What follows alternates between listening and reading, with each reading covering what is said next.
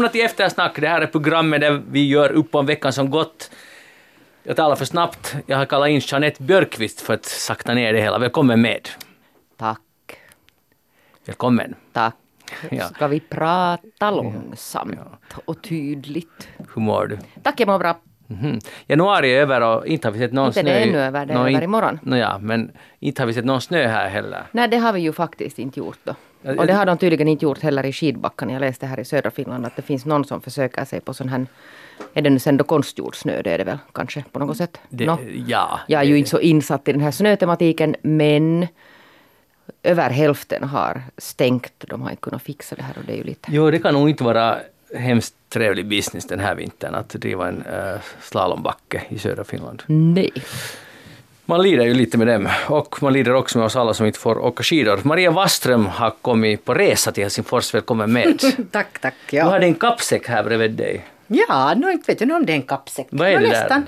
En sån här rullväska? Det är en reseväska, ja. Jag ska stanna ett helt dygn här i Helsingfors när jag en gång kommer. Är det sant? Lång väg. Ja. Ja, hur har du rest? Har du åkt, kommit med tåg hoppas jag? Äh, nej, med buss. Aha, okej. Mm, det duger också. Tack. Med tåg är nog roligare. Vill du öppna Ja, men vet du hur många tåg som stannar i Ingo? Nej. Typ noll. Är det noll eller är det typ noll? Det är noll. Helt noll? Det är noll. Noll noll? Inga tåg? Men där finns en tågstation. Aldrig. Alltså man måste ta från... flera tågstationer. Varifrån måste man ta då? Kyrkslätt. Och då har man redan kört halva vägen Ja, just det. med bil. Men det går bussar fortfarande. Jag kan säga att det är idioti. Men Det- för att komma till busstationen så måste man också ha bilskjuts. Nåja, om man bor så där som jag. Det är ganska svagt Men av man er. får väl Men jag vet att det har varit mycket debatt om det här. Men var det inte så att Sjundeå lyckades rädda det? Ja, till Sjundeå går det tåg, ja. Är ni...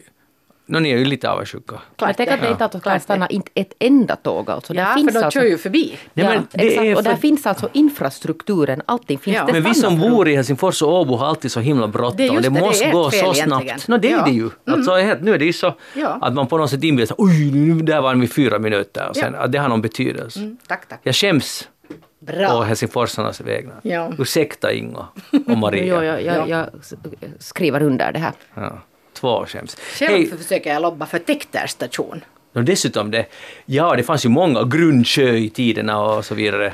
Ja, jag kommer bara det ihåg, så, jag, jag vet det inte fall. jag vet det inte Ingo, men det fanns okej. många sådana små, det här Ja, ja. fattar ju inte dagens som nu åker susar, hur många stationer där någon har funnits på den här Hur längs lång väg det banan. var på den tiden att åka in till stan.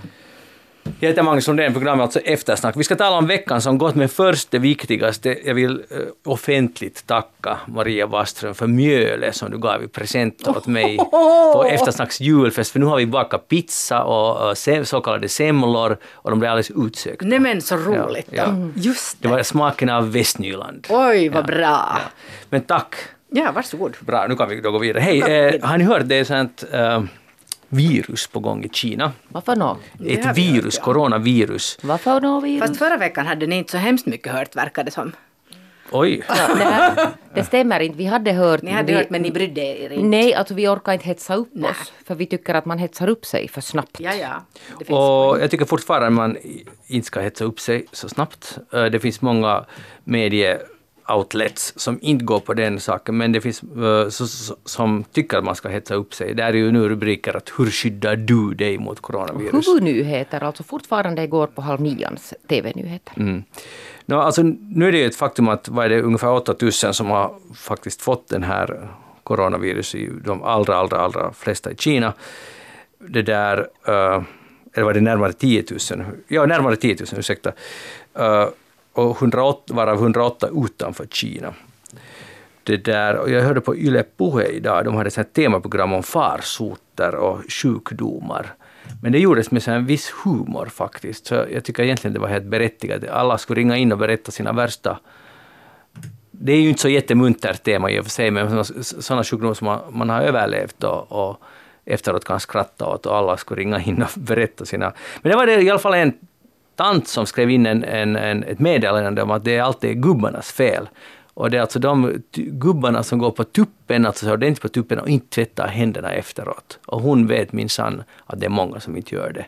Jag tänkte fråga er, har ni samma uppfattning om män? Att de inte tvättar händerna? Nå, det där, jag tillbringar ganska lite tid på, på männens toaletter så jag Ja. vet inte riktigt vad där händer. Ja, ja, ja, det är jag svårt tillbringar ju nog en tid. Men jag tror att det har gjorts, har det gjorts några sådana här undersökningar om det här som, som skulle bekräfta det här? Jo, för vi hade det i eftersnack för kanske Ja. tio år sedan kan man säga. Och det var det vitsiga var det att, äh, äh, att man hade undersökt och så kom kom fram till att män alltså säger att de har tvättat händerna fast de inte har gjort det och till och med kan sätta på kranen men inte tvätta så, det ska, så man ska få bilden av att de har tvättat händerna. Men varför vill, de inte, varför vill ni inte tvätta händerna när ni har varit Jag på kan faktiskt toaletten? inte, den här gången så kan jag inte vara ansvarig för alla Men du är män. en man. Jag är man, ja. Det är man, men jag, jag hör till de männen som tvättar händerna. För jag tycker att, jag, jag, jag tycker att det är en ganska bra grej. Alltså jag måste säga att särskilt alltså just när man tänker på män Ja. Som kissar så tycker jag att det känns särskilt angeläget att tvätta Ja. händerna efteråt. Men då ska jag känna säga, jag tycker också det är helt angeläget att, att ni kvinnor tvättar händerna. Men vi, det där, vi rör vid andra saker där på toaletten. Och det här ska vi inte gå närmare in på. Men eh, vi hoppas att alla fortsätter tvätta händerna, också männen. Och jag tror, jag tror att de flesta män. inte- Och börjar ifall man inte redan gör det. Men alltså, det måste ju vara så att, att män tvättar händerna. Jag, jag, jag kan inte tro på det här. Eh, Och sen kan jag ju säga att jag tror ju inte att det är männens fel att farsoter sprider sig. Det handlar nog inte om det att männen inte tvättar händerna på toaletten. Nå Maria, är du rädd för coronavirus? För, för vad som komma skall? Mm, Nå, inte kan jag säga att jag är rädd. Nej, det kan jag väl inte säga. Orolig? Uh, Nå, inte kanske ens det, men att nu tycker jag ju, nu, kom, nu är det ju jätteviktigt att man, att man liksom med alla medel försöker eh, begränsa den här spridningen. Det tycker jag nog att, inte vet jag nu om det är direkt något att skratta åt.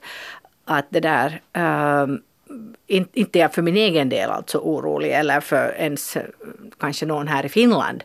Men, men det är klart att börjar det sprida sig liksom i rekordhastighet så nu kan det leda till ganska stora bekymmer.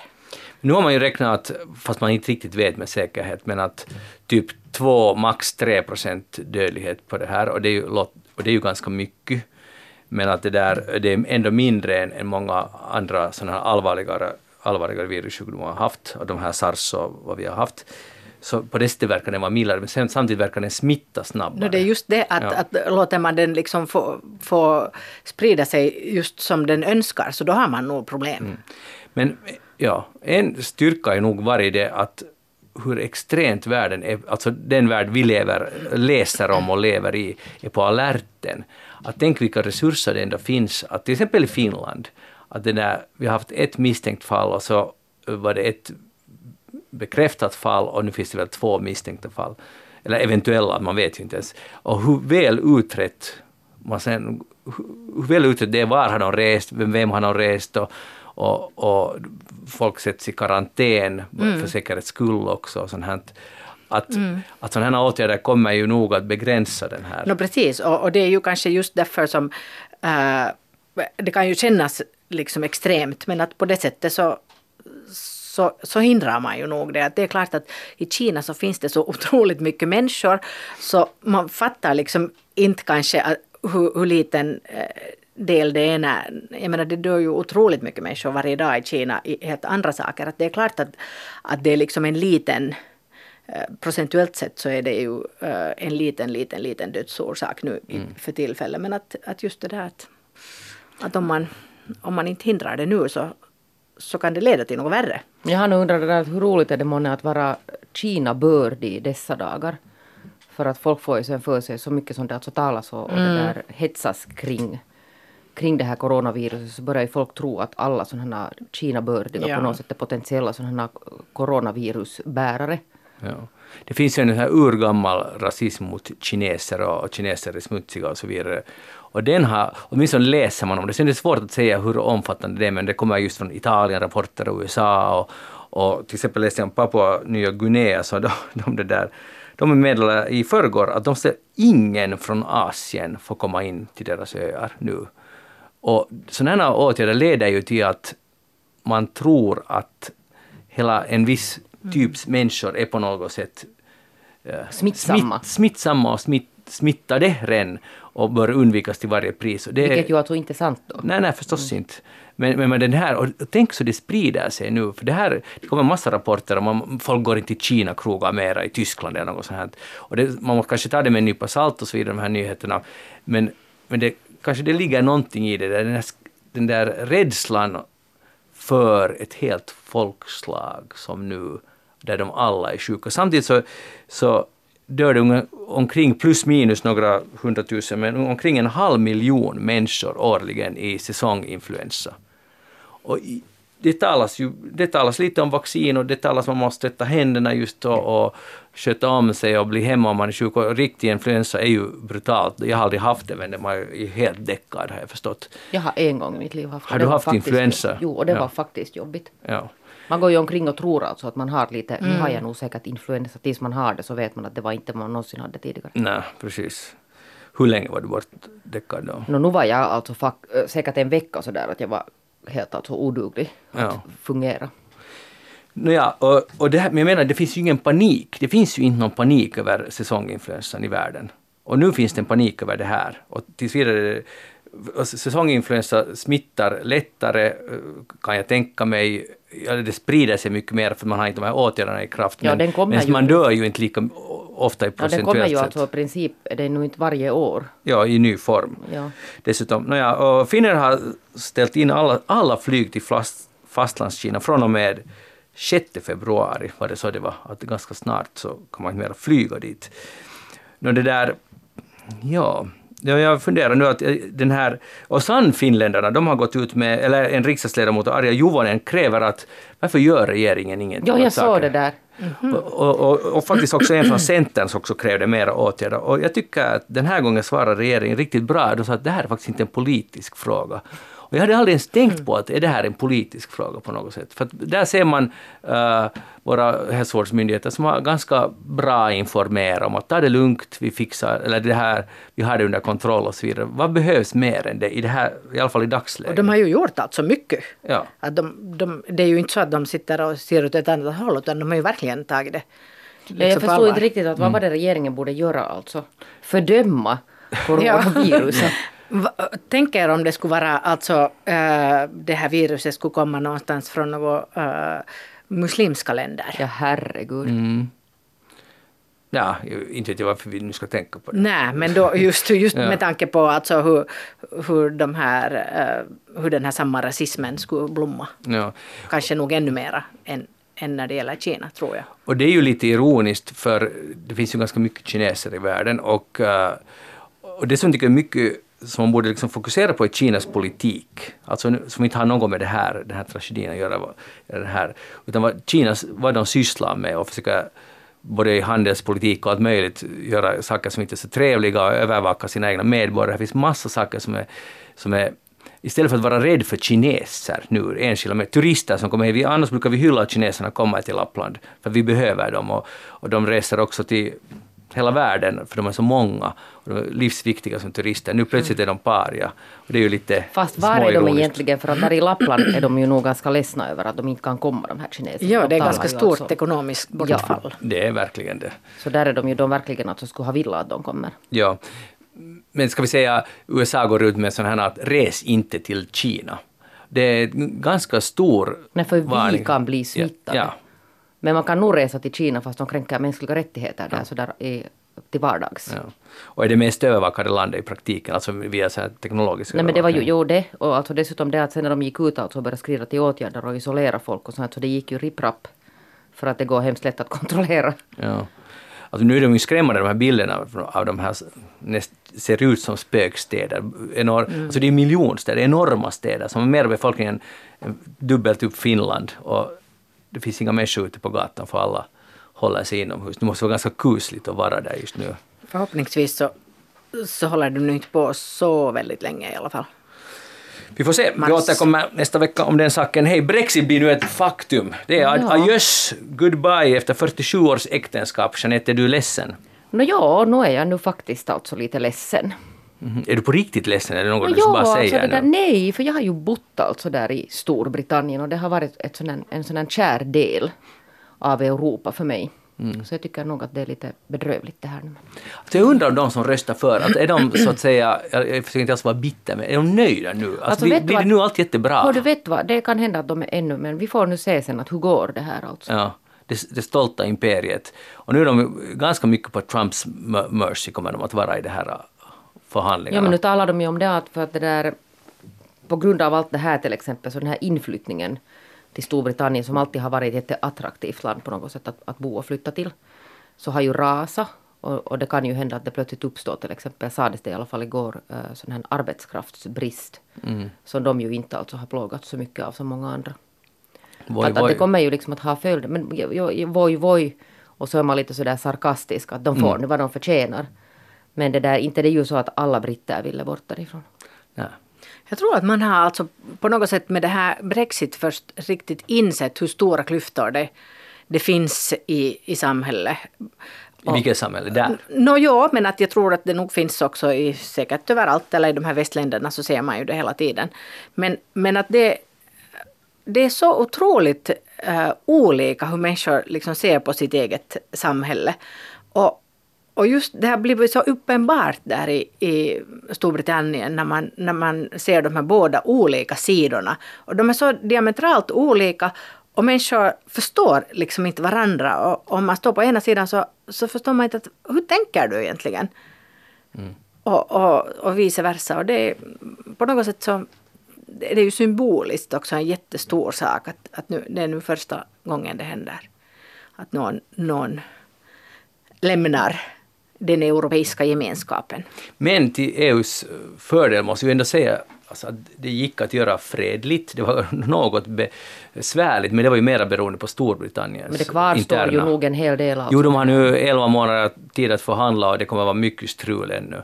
Men, men det gick att, man kunde komma ut ur EU Samtidigt och det var nu det, bra det det är ju ofta skönt alltså när man har någon sån där som man kan skylla sina problem på, just mm. sådär som EU. Som vi kan ju också göra här, att vi tycker att men det är EUs fel och det är ganska behändigt att, att hitta liksom den här syndabocken till allting. Sen har de inte mer. sen får de stå för sina problem själv. Det men vet du, det, kan alltså, det mänskliga sinnet kan också fungera att man kan fortsätta skylla på EU också ganska ja, länge framåt. No, no, jo, men, men Maria har en poäng där. Vad, vad ska det, för, för, att alla de här som regerar genom att splittra folk i exakt ungefär två delar. Så de som har lyckats med det, då, Trump och i Brasilien och i Filippinerna och sen då här i Storbritannien, så har det byggt på att det finns den ena sto någon stor fiende. Trump har mm. några stora fiender, men, det, men i alla fall, där var det ju EU i Storbritannien. Och det lyckades. Alltså, mm. måste, alltså, polit, alltså ska vi säga taktiskt var det ganska snyggt genomfört. Alltså skickligt i alla fall hur det lyckades, att där är vår stora fiende, bara vi slipper EU så kommer allt att bli bra. Mm. Men vad, vad, hur kommer det att funka nu? Ja, säg det. Jag hörde just någon som blev intervjuad som helt en människa på gatan bara som sa att han trodde att, att man är liksom, att ensam är stark att, att det är just det som är framtiden för Storbritannien. Man tänker att, att det är ju jättekonstigt i dagens läge när alla är så beroende av varandra. Mm. Att, att knappast är de nu så hemskt starka när de står ensamma. Det beror på hur, just de där tullarna, hur det kommer att i praktiken funka. Och, och sen deras sjukvårdssystem och allt det här som ju var det där stora temat. Om de på riktigt skulle få det att funka så då kanske det, kanske det är bättre att vara ensam, men jag, jag betvivlar det. Men det beror på, helt på hur avtal de lyckas göra med EU och, och USA. Så att äh, det är lite tidigt att säga, vad ska, vad ska jag säga, lite tidigt att dra några slutsatser för här är elva månader strul framför oss. Så we'll see. Trump kommer att bli frikänd idag, det är ju alldeles klart. Än en gång klarar han sig, han är skickligare än den skickligaste.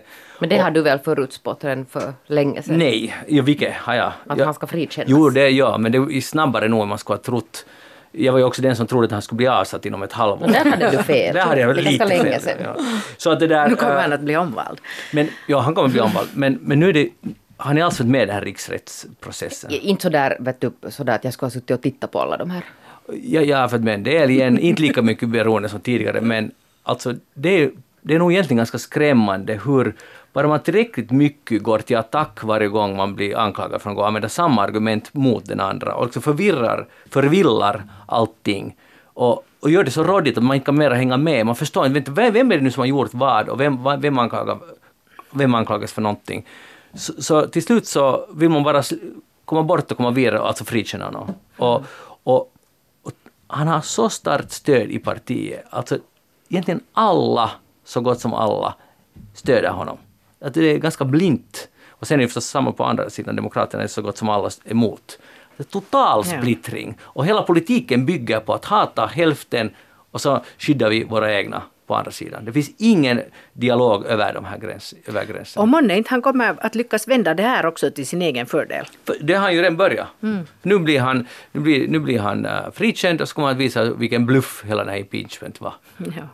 Uh, så taktiskt skickligt också där. Hej, mobbningen i Kyrkslätt, nu hoppar vi lite vidare. Det är en skola i Kyrkslätt, det har varit mycket snack om på Svenska Yle den här veckan. Uh, har ni följt med det här? Jo, jag har läst det och Husis hade också, så de, de, har många, de har kontaktat tydligen ganska många redaktioner.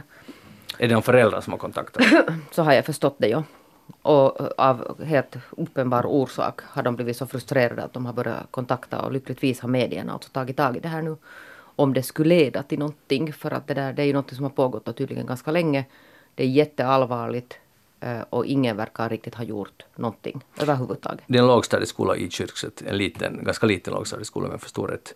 Det där, när man läser den här casen så, eller det som har rapporterats, man blir ju minst sagt chockerad. Och sen säger ju rektor att de nog har tagit itu med det. Så det står lite ord mot ord. Men, men när man läser, jag blir inte helt övertygad efter att ha läst att de faktiskt har gjort någonting. För sen uh, Miriam Kallan som är professor, professor uh, uttalar sig i Svenska Yle, hon säger några saker som är nog ganska kloka. Bland annat det här om, som hon sa att om jag tänker mig att jag, skulle gå, att jag skulle gå till min arbetsplats och inte veta, veta om det står ett gäng bakom hörnet som bara väntar på att misshandla mig, så skulle jag kanske inte gå till min arbetsplats, säger hon. Och jag tycker det var jättebra för att man på något sätt på något konstigt sätt kan tycka att det hör nu lite till att det kan hända lite det ena och det andra. Men varför skulle det ens vara så? För vi skulle ju aldrig acceptera att vi vandrar till vår arbetsplats. Så just det här som beskriver mm. den här mm. skräcken. Och det är klart man inte accepterar man det heller med skolor, men det är bra att sätta det i ett vuxet perspektiv. Så här, att skulle vi gå med på det? Aldrig i livet skulle någon gå med på det. Ja, och det är ju alltså ganska det där allvarliga saker som pågår. Alltså det är ju misshandel. Ja. Av andra barn. Mm. Alltså det är ju, jag vet inte, liksom mobbning, att räcker det ens riktigt till här nu? För att det är ju alltså våld. Och man ska inte vara rädd för att gå till sin skola. No, nej, det kan man ju faktiskt tycka att en hel serie. Där är det ganska många föräldrar som försöker alltså flytta bort sina barn och till och med alltså är redo att sätta dem i, i finsk skola för att bli, då, då är det någonting som har gått alltså riktigt tokigt där. No. Och, och, nu talar vi ju alltså inte, vi talar ju om ganska små barn.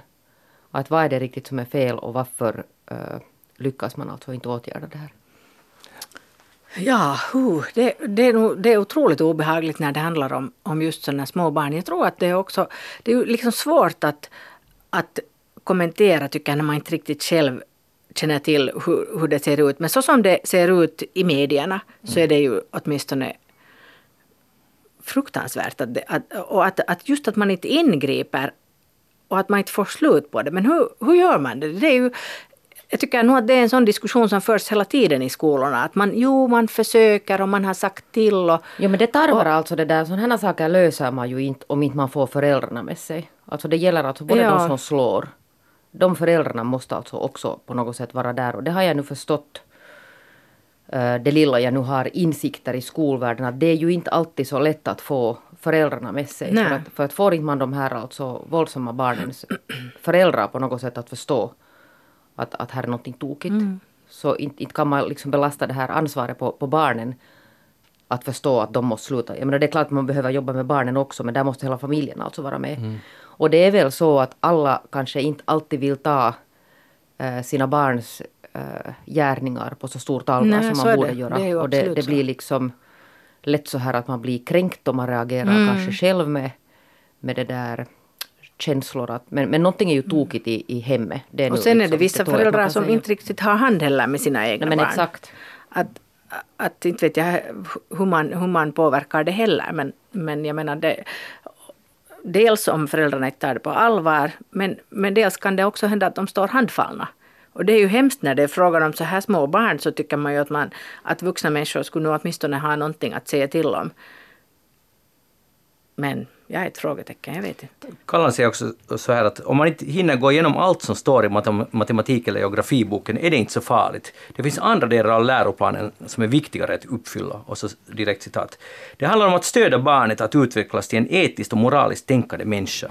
Den delen av läroplanen kunde man kanske ägna resten av terminen åt. Starta alldeles från början och göra föräldrarna och barnen del, delaktiga i det här. Ja, och jag säger nu föräldrarna för att det kan inte heller vara skolans ansvar att uppfostra etiskt Nej, liksom, och moraliskt. Nej, men enligt läroplanen finns det. det, det jo, och ja. det är jättebra, men det är fortfarande inte skolans ansvar. Mm. Alltså det finns skolan kan göra vissa saker men, men man kan inte alltså belasta allt ansvar på skolorna. Mm. Och, och sen är det ju ganska sent om man ska börja redan, eh, alltså först i skolåldern, att uppfostra barn. Nu måste ju börja långt tidigare. Och min uppfattning är nog att lärarna, lärarnas tid går Alltså en jättestor del av lärarnas tid går åt till allt möjligt annat än undervisning. Faktiskt lite onödigt stor tid tycker jag ibland att jag kan skönja. Att, det är liksom just det här med att de ska uppfostra och, och, de ska sitta bredvid ett barn för att det ska lugna ner sig. Men då finns det 20 andra som också behöver någonting. Ja, och för Eller... att liksom lyckas ens få dem att koncentrera sig. Ja.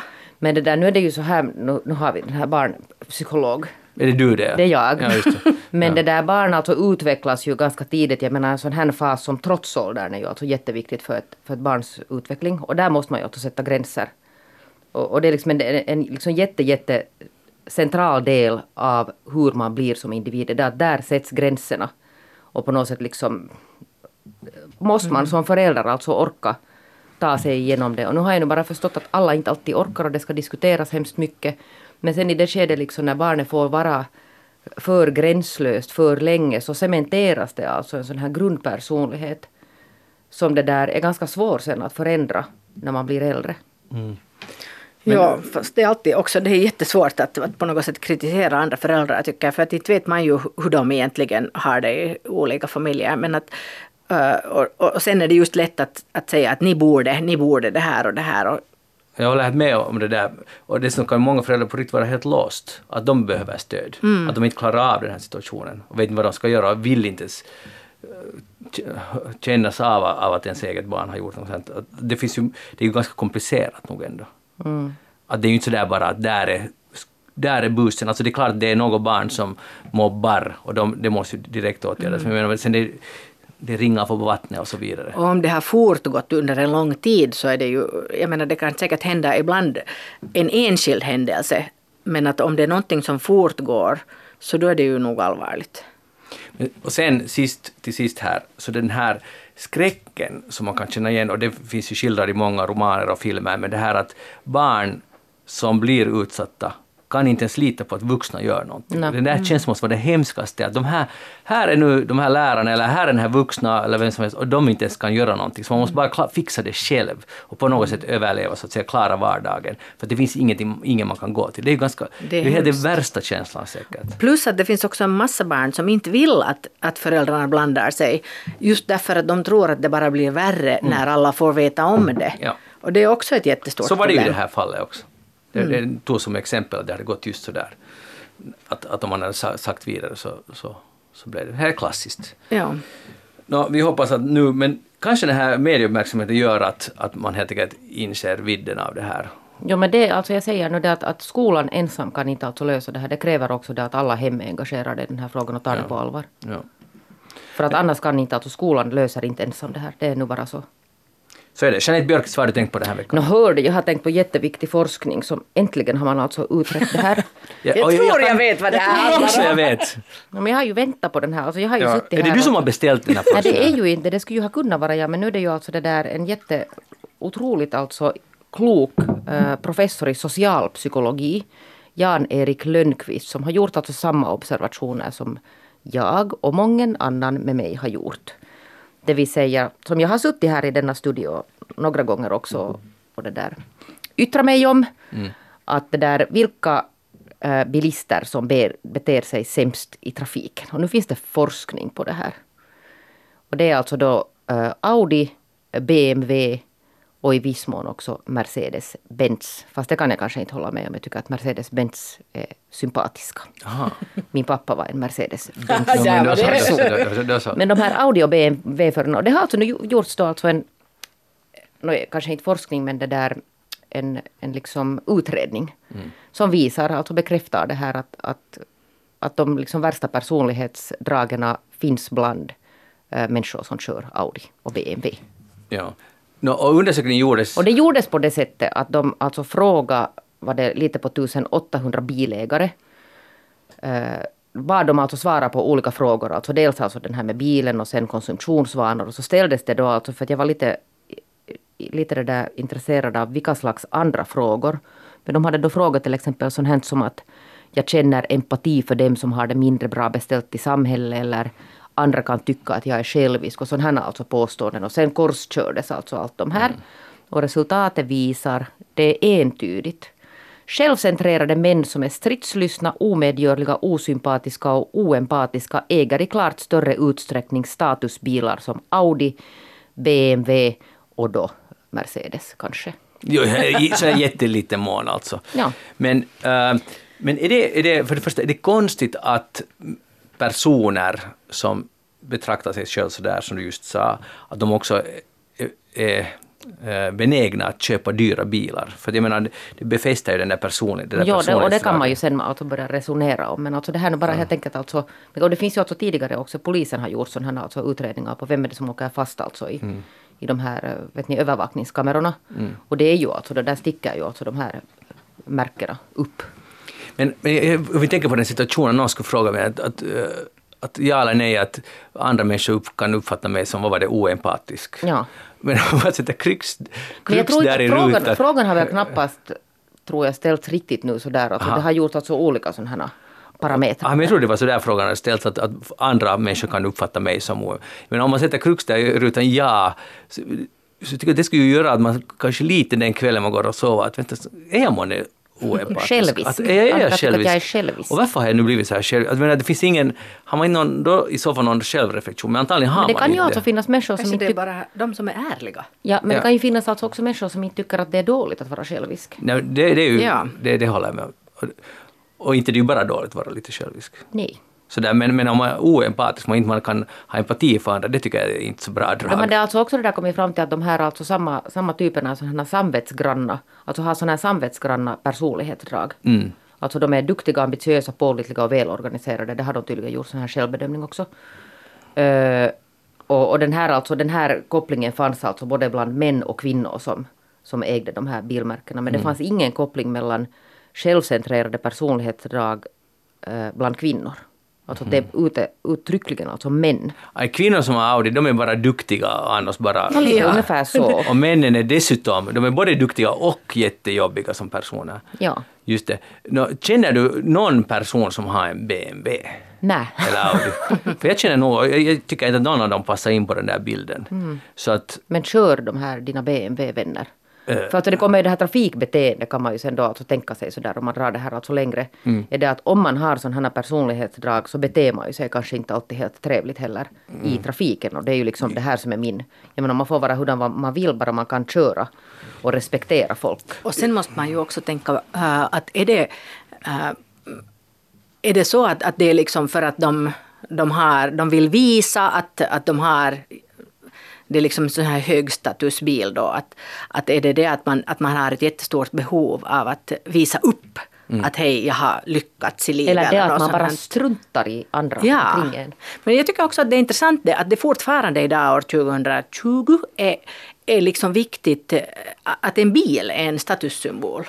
Och att man på något sätt signalerar saker Men det kan hända att det här budskapet mm. om den här, den här, den här klimatkrisen, att den når långsammare till vissa kretsar. Betydligt långsammare.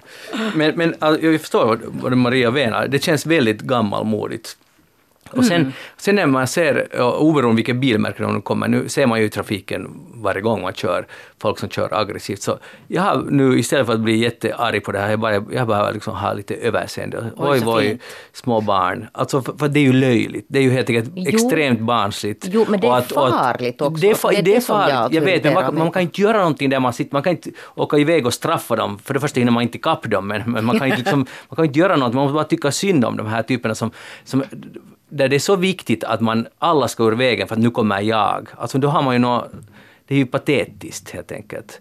Så jag har bara överseendet, oj oj, du har, du har det inte lätt.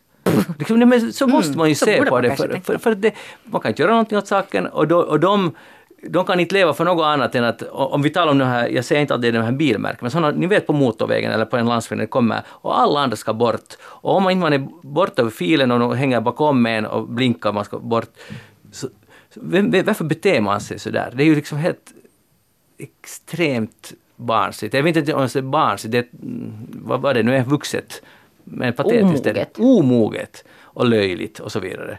Ja, och sen särskilt som man vinner sällan alltså hemskt Jo, mycket. Det är ju, Det är ju det. Men att, att man blir viktig av den saken. Att det är liksom så man liksom ger sig själv värde. Så då tycker jag att man har någonting som klickar. Och därför borde man, när man har fyllt i den där, den där undersökningen och sagt att jag, folk har uppfattat mig som osympatisk eller vad det nu var, så borde man fundera att vänta, borde jag jobba med det här nu? Det, det här ska vara mitt råd. Men det alltså kräver att man inser att det kan vara ett problem. Ja, och det är det som är problemet, Ja. att man inte kan inse det. Så, det, vi, är en, vi är en sån här Men jag återvändsgränd. vill tacka nu för bra forskning och viktig och central. Sista frågan, Jeanette, när du ser de här i trafiken så brukar du göra någonting? Visar du ett finger eller? Nej, nej, nej, jag är inte sån här finger alltså det där men vi har alltså, vi bor vid en sån här jättekrånglig sån här, en sån här, ett sånt här över, en övergångs, ett övergångsställe som är alltså helt livsfarligt. Alltså min dotter får inte gå, det är på vägen till hennes skola. Det är två filer alltså utan någon sån här vet ni, refuge där i mitten så hon ska över alltså fyra filer i princip. Och där kommer man ju insmällande alltså ganska gladeligen varje morgon så jag går varje morgon och följer henne över och sen går jag och tar emot henne när hon kommer från skolan. Och jag har tänkt på det här för där dammar alltså ganska mycket alltså av dessa tyska bilförare särskilt. Glatt alltså på. Så jag har tänkt att jag någon gång ska sticka ut alltså min nyckel. Och repa den här. Vet ni förstår att om de kör så nära att de nästan kör över oss. Så många de inte stannar sen senast det sker det hörs. Längs deras. Då blir det slagsmål. Oh. Ja, då blir det säkert slagsmål. Men förstår ni att jag är ganska det där, min frustration är ganska stor. Nå, det, ja, det det handlar ju om liv. Nå, ja. Men tänker du göra det här? Vet du, det, det, jag kan säga att det börjar vara ganska nära nu. Vi kan ta nästa eftersnack från häkte när Jeanette sitter där Ja. och, och berättar. Ja, men vem ska alltså sen, alltså det där egentligen, vem är det sen som, som kanske vi båda blir straffade? Ja. För att den här alltså bilisten som körde så nära, att den körde alltså nästan körde över mig, alltså att jag kan sätta ut bara vet ni, Mm. handen 10 cent och den dammar förbi mig. Så den har ju nog också brutit mot lagen. Det kan Det nog kan hända att det är vinna. du som blir... Ja, jag tänkte just tvärtom. Det kan nog hända att det är du som blir dömd. Ja. Inte sen när när de har lyssnat på mig. Jag har befunnit mig i sådana mentala alltså tillstånd. Mm. Och sett min dotter riskera livet varje dag nu i två år. Maria Waström, vad har du tänkt på den här veckan? Jag har också faktiskt tänkt på, på ungdomar, och, eller ska vi säga tonåringar mera än, än de här yngre. Och jag har ju två sådana hemma också så det är inte så hemskt konstigt. Men, och, och utbildning. Och nu är det ju dessutom småningom dags för den här gemensam elevantagning och, Ja, och att man måste fundera att eller det gäller inte mig personligen, men, men att vad ska hända efter grundskolan? Och, och det där, jag har funderat mycket på de här yrkesskolorna. Jag har själv ett barn som går i en sån, som är på många sätt en jättebra skola.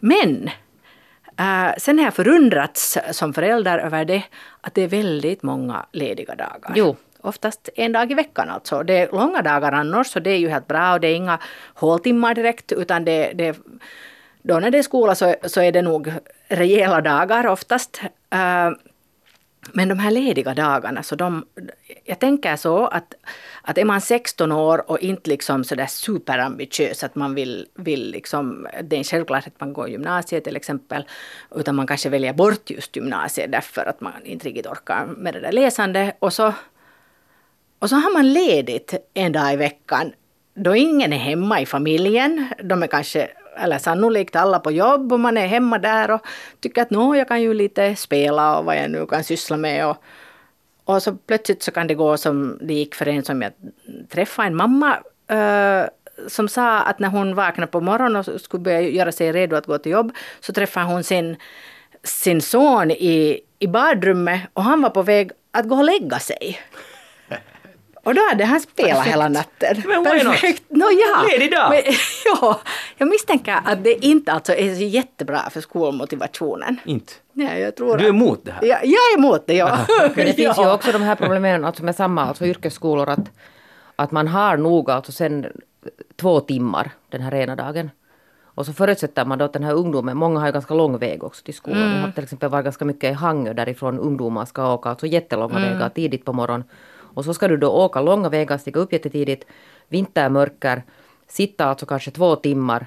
Så där ändå du har en timme, kanske två timmar hål och en timme. Där så det kräver nog alltså extremt stor motivation och sen lång väg alltså tillbaka. Så det blir ju Absolut. sen lätt så att sen åker man nu inte när det bara är två Nej. timmar där och sen plötsligt så börjar det gå lite tokigt där. Men vad är alltså, orsaken till detta? Att man har No, jag, alltså jag trodde att det handlade om sparkrav men när jag nu lite har hört mig för så har jag förstått att det gör inte det. Utan det är så här som det är. Vår skola är uppbyggd nu så här och man fyller alla, alla timmar till punkt och pricka och, och det där. Det, är- det är inte någon sparkampanj på gång nu men det, det har man ju nog förstått att det har varit liksom under många, många år redan.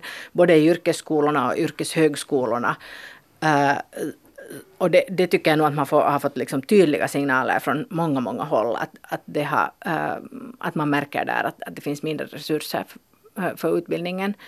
Och det är nog jättesynd, för samtidigt så ser man ju också det att gymnasierna till exempel så, så stressar de här eleverna sönder sig.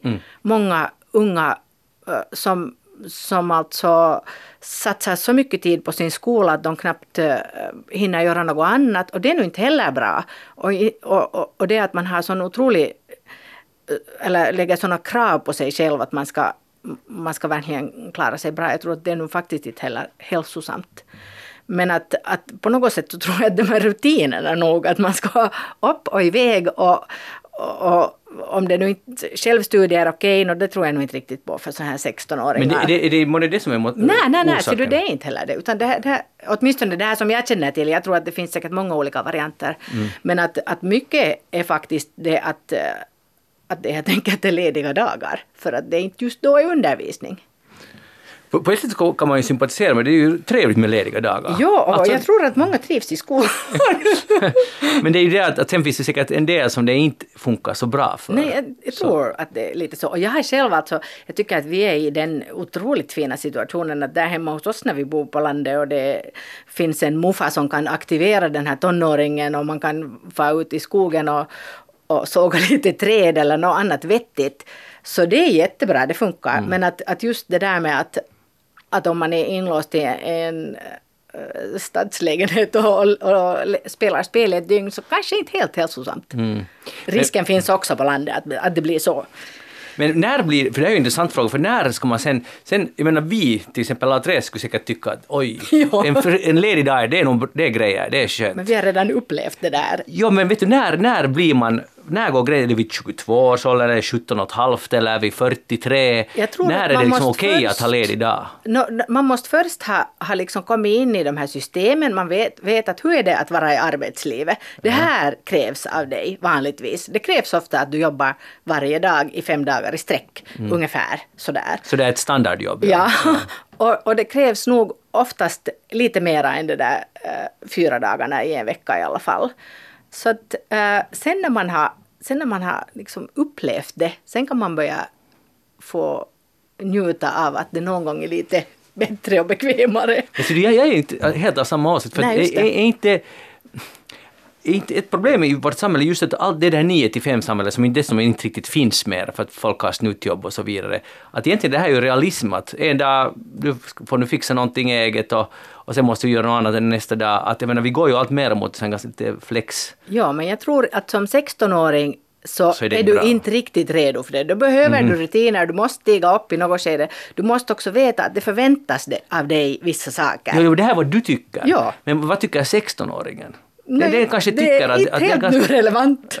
Okej, det, det är inte relevant. 16, jag kan nog berätta för dig vad 16-åringar Nå, berätta. tycker. Att det är jäkligt skönt med de här lediga dagarna. Men kanske inte i längden. Det är just det.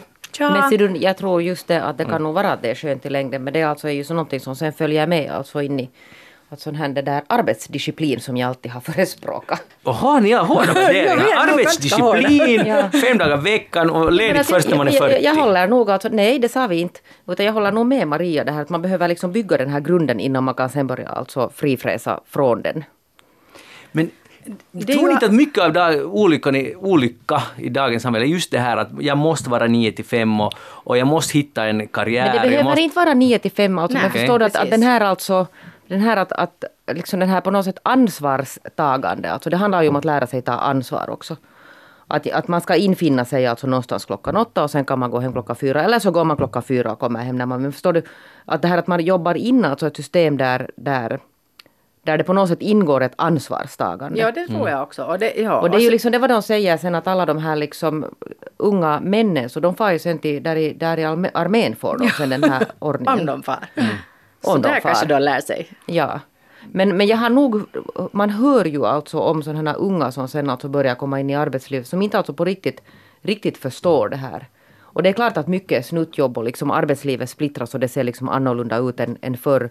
Men nu finns det en hel del funktioner fortfarande som förutsätter att du måste komma och så måste du vara alltså en viss tid. Mm. Och sen också det att, att man vet om äh, att, att det krävs vissa saker av en. Man kan liksom inte själv när man är i den åldern bestämma att, så här, att, att det här är liksom, det här tycker jag att det är kiva. Utan att det också förväntas att man anstränger sig. Jo, och sen alltså det här som jag också funderar ibland att det kommer ju inte det är saker. Sant, jag skrattar, att det kommer alltså inte saker på, på guldbricka direkt. Att, att man behöver ibland alltså lite jobba innan man sen kan komma dit vart man ville. Men nu är det ju ganska ofta så där att man drar kurvan rak. Så där utan mm. liksom någon sån ansträngning. Men vi tillhör nu alltså en generation som alltså har, eller det beror ju säkert på, men, men som har jobbat hårt för att komma. Och därför ska nästa generation också Nej, men jag Nej. tror alltså att det ligger alltså någon sån här, det ligger alltså en, en ett visst värde i det här. Nu säger jag ju inte att alla ska behöva slita ihjäl sig så som till exempel vi, vi har gjort på många sätt. Men, men någonstans där alltså måste läggas en grund så att, att det sen börjar fungera. Men inte den viktigaste frågan, mycket viktigare än det där som ni talar om, eh, och det här handlar om samma sak, är att hur är det möjligt att uh, under 30-åringar är olyckligare än någonsin? I alla fall enligt all, hur mycket medicin det delas ut och äts och uh, psykiskt illamående och kanske så vidare. Det är det att de och inte vad beror haft, det på? Kanske det är det här att de inte har haft de här strukturerna utan att det har varit alltså det här fria. De har ju alltså, det har ju mm. lastats för mycket ansvar under ganska länge på att man ska kunna alltså avgöra en massa saker när man kanske inte riktigt är mogen för ja, det. Precis. Det, alltså jag, jag är öppen för alla idéer men, men någon, jag tycker att det istället att vi sitter... För, ni sitter och kräver att de ska lära sig att ta ansvar. Men, men nu, är, nu har vi det problemet att som sagt då, jag vet inte hur många hundratusentals under 30-åringar som mår jättedåligt. Så trots att vi sitter här och kräver att de ska ta ansvar så mår de dåligt. Menar ni att de mår dåligt för att de inte har tvingats ta ansvar? Nej, det är alltså mycket mm, mer mångfacetterat än så. den där kopplingen riktigt. Nej. Nej, jag ser inte heller. Men varför då? Hur är det då möjligt att, att så många mår så dåligt? No, det vet jag inte, men att inte är nu så att de plötsligt skulle må bättre av de här vissa lediga dagarna, det tror jag nog Nej. ändå inte. Och, och jag ser att jättemånga faktiskt mår dåligt uh, av, av de som, som alltså har hemskt höga krav på sig. Så att ja, mm. på det sättet kanske. Men, att, men rimlighet på något sätt. Att inte, jag tror inte att man mår något särskilt mycket bättre av det att man ligger i sängen en dag och, och liksom kikar på TV. Inte, inte är det det som får dig till en lycklig människa. Nej, men det är antagligen så att de som borde ligga i sängen ja, gör inte no, det. är möjligt. Och har inte de lediga dagar. För jag tror mm. nog att det, något med prestationskrav måste ju ligga ja, det, bland vissa av de som är olyckliga. Men vissa verkar inte ha något prestationskrav alls. Nej, nej. det är liksom det, men det som är problemet. Ja, och det tror jag inte heller att det är hälsosamt för att nu kommer liksom det att, att människan behöver ändå känna sig behövd. Ja. Att man ska ha liksom en funktion för att på något sätt. Och jag säger nu inte att, att, att en del söker det alltså via jobbet. Men någon funktion ska man ha. Mm. För att om inte liksom, om, om alla skiter i att du ligger alltså en vecka bara i din säng. Mm. Så det är ju inte ett särskilt alltså, trevligt liv det heller. No. Inte är ju människan skapad för att vara ensam och isolerad. Komplicerade frågor.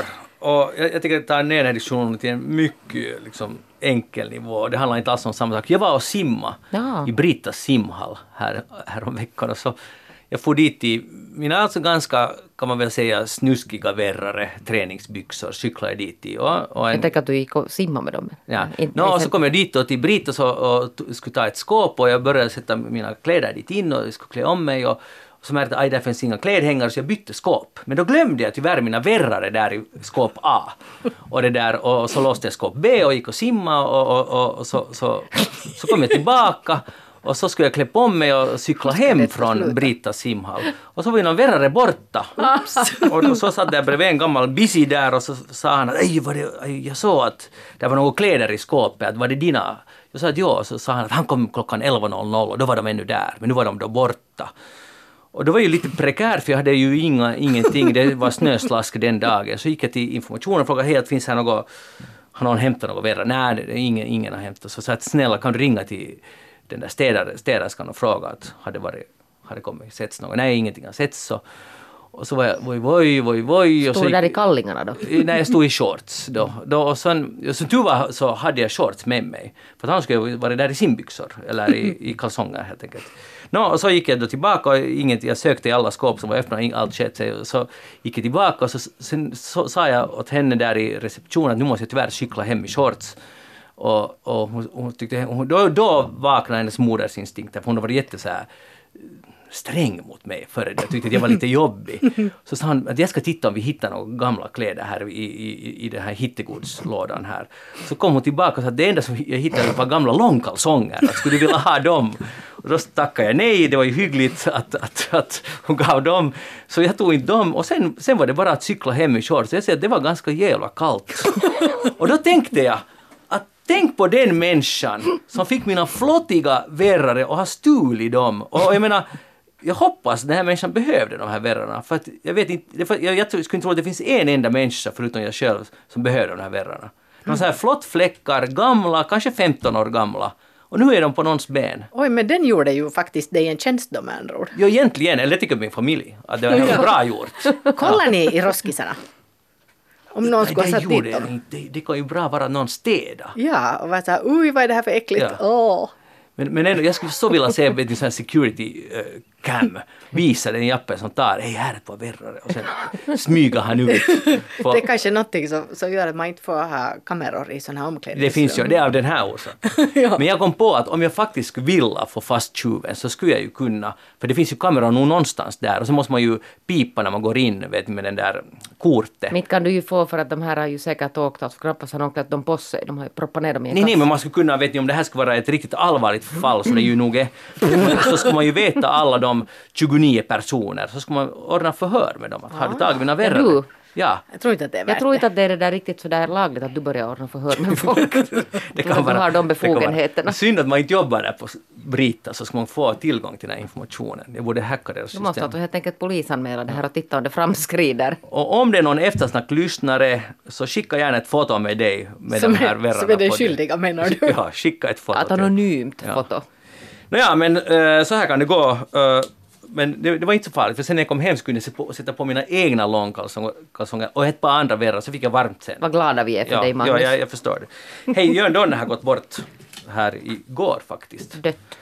Han har dött, ja. Det där, eh, så vi avrundar med en Jörn Donner-diskussion. Jeanette, Jo, jag måste alltså berätta att Jörn Donner är minne. Alltså nu kan jag ju på inget, ingen nivå hävda att jag kände honom hemskt bra. Jag bara visste honom och, och det var för jättelänge sedan när jag var en ung och mycket, mycket oerfaren journalist och skulle hålla min första paneldebatt. Eh, jag minns inte alltså ens vem det var som ordnade men jag hade i alla fall blivit tillfrågad att, att vara moderator för den här. Och så fick jag höra att Jörn Donner ska, ska sitta med i den här paneldebatten och alla mina äldre kollegor var helt, alltså de, de var helt chockade. De sa att det är oansvarigt att sätta en ung oerfaren kvinna och leda en paneldebatt där Jörn Donner är. Och så målades det upp alltså de här helvetesbilderna, hur han kan bete sig och han kan komma, man kan inte veta vilket humör han är på. Och det är jätte, alltså besvärlig person. Och jag var ju alltså så nervös att jag nästan grät. Jag skakade alltså bokstavligen av, av det där nervositet. Jag var helt alltså hysterisk. Och så kommer han insläntrande, det hölls på dåtida alltså gamla pressklubben. Och så tittade han på mig. Och sen var han jättesnäll. Alltså han var den vänligaste och mest hjälpsamma. Alltså den här paneldebatten blev ju sen till någonting tack vare att han hjälpte mig på något sätt och ledde mig och liksom hjälpte till där. Och sen träffade jag honom alltså nu i höstas när jag satt på akademin och pratade om hans nya bok med honom. Och så berättade jag om den här incidenten. Han hade ju inte ko- kommit ihåg den här paneldebatten eller att vi skulle ha liksom suttit där tillsammans. Han hade ingen minne alls. Men jag berättade i alla fall den här och så sa jag att, att det var då som jag insåg att du egentligen är en jättesnäll gubbe. Och han blev lite så här, på något sätt så här tagen. Eller liksom, han visste inte riktigt. Men han blev alltså, tyckte jag, jätteglad. Men jag har i alla fall alltid alltså efter det uppfattat honom. Och nu liksom läser jag också, Anna-Lena Laurén skrev alltså jättefint om honom. Att han var en sån, han gjorde inte alltså skillnad, att han kunde vara en liksom eh, helt pissig. Men han var det alltså oftast av en orsak. Men han gjorde ingen skillnad på folk och folk. Att det spelar ingen roll om du var en ung oerfaren kvinnlig journalist eller liksom en jätteerfaren någonting. Att, att han var på något sätt sådär ganska eh, liksom jämställd. Och, och sen hans den här mångomtalade arrogans var det som man också uppskattar jättemycket. För han, han var ju, nu var han ju emellanåt ganska arrogant och Ja, respektlös, så det var det som var det och självironisk också. Ja, ja, visst, men alla de här dragen rymdes in, Ja. in hos honom.